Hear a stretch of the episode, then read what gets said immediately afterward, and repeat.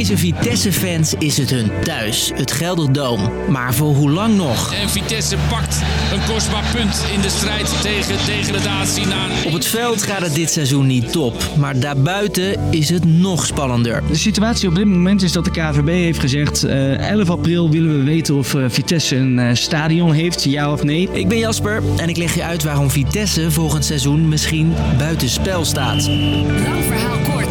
Een podcast van NOS op 3 en 3FM.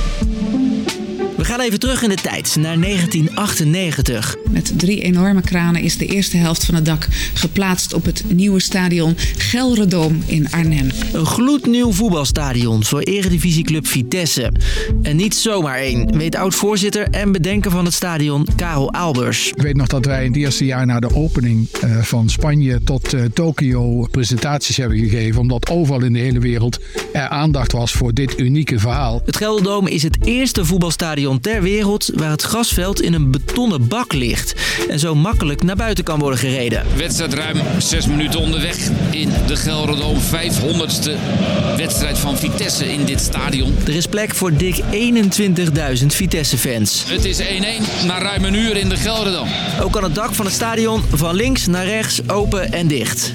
Ideaal voor dit soort evenementen. Hier is live in concert Snollebollekes. Regelmatig zijn er concerten, zoals Snollebollekes. Maar het grootste deel van de tijd is het Gelderdoom dus vooral het Vitesse-stadion. Althans, voorlopig.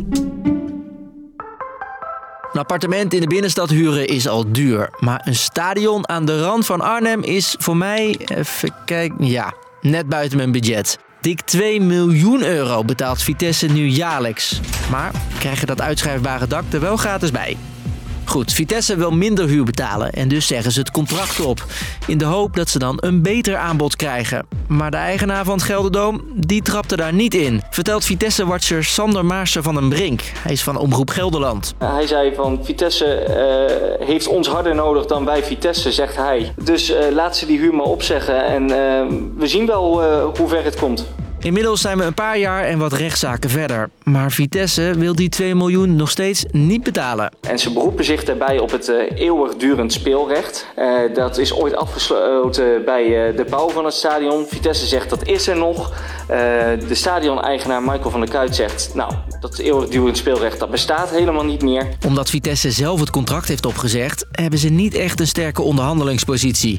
Maar het Gelderdoom kan volgens Sander ook niet echt zonder Vitesse. Eh, Vitesse heeft op dit moment, eh, nou ja, we gaan uit van eh, veer- eh, 17 speeldagen en nog een paar bekerwedstrijden erbij. ongeveer voor 25 dagen in het jaar de huur.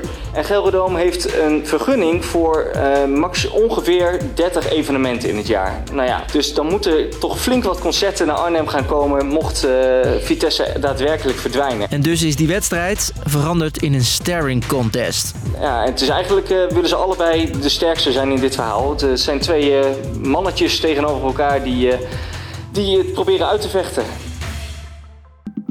Ondertussen begint de tijd voor Vitesse wel te dringen. René, hoe lang gaat het nog duren voor Vitesse? Ik heb Ze echt kunnen die proflicentie kwijtraken?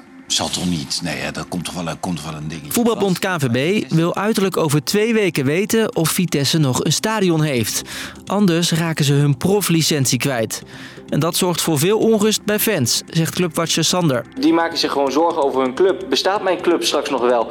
Ja, en dat kan ik me natuurlijk wel heel goed voorstellen. De zaak over Vitesse en het Gelderdoom dient nog in hoger beroep. Maar omdat zo'n uitspraak best een tijdje kan duren, heeft Vitesse nu een turbo-spoedprocedure aangevraagd. Dat woord heb ik niet zelf verzonnen, maar het betekent dus wel dat het echt snel moet. Ondertussen onderhandelen Vitesse en het Gelderdoom ook buiten de rechtszaal door. Sterker nog, eh, Vitesse zei, eh, we gaan kijken of we in de komende dagen een, eh, het contract eh, een beetje kunnen opstellen. En dat duidt er toch wel op dat het toch wel eindelijk de goede kant op lijkt te gaan.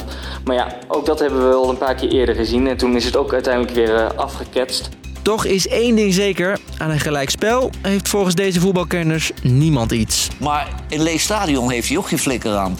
Want Hulkie Dulkie, of heet die van links naar rechts, die komt, die komt, die komt, Stolle bolletjes. die komt één keer per jaar langs. Nou, normaal speelt nog één keer per jaar. Maar dan kun je een stadion niet van hun leven houden. En ook Sander denkt dat er in blessuretijd toch nog een oplossing komt. Maar eh, voor welk bedrag en voor welke voorwaarden, dat is dan alleen nog de vraag.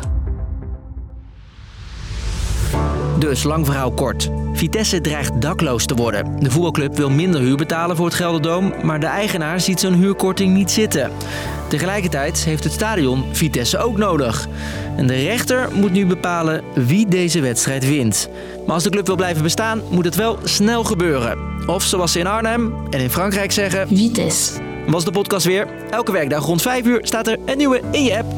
Bedankt voor het luisteren.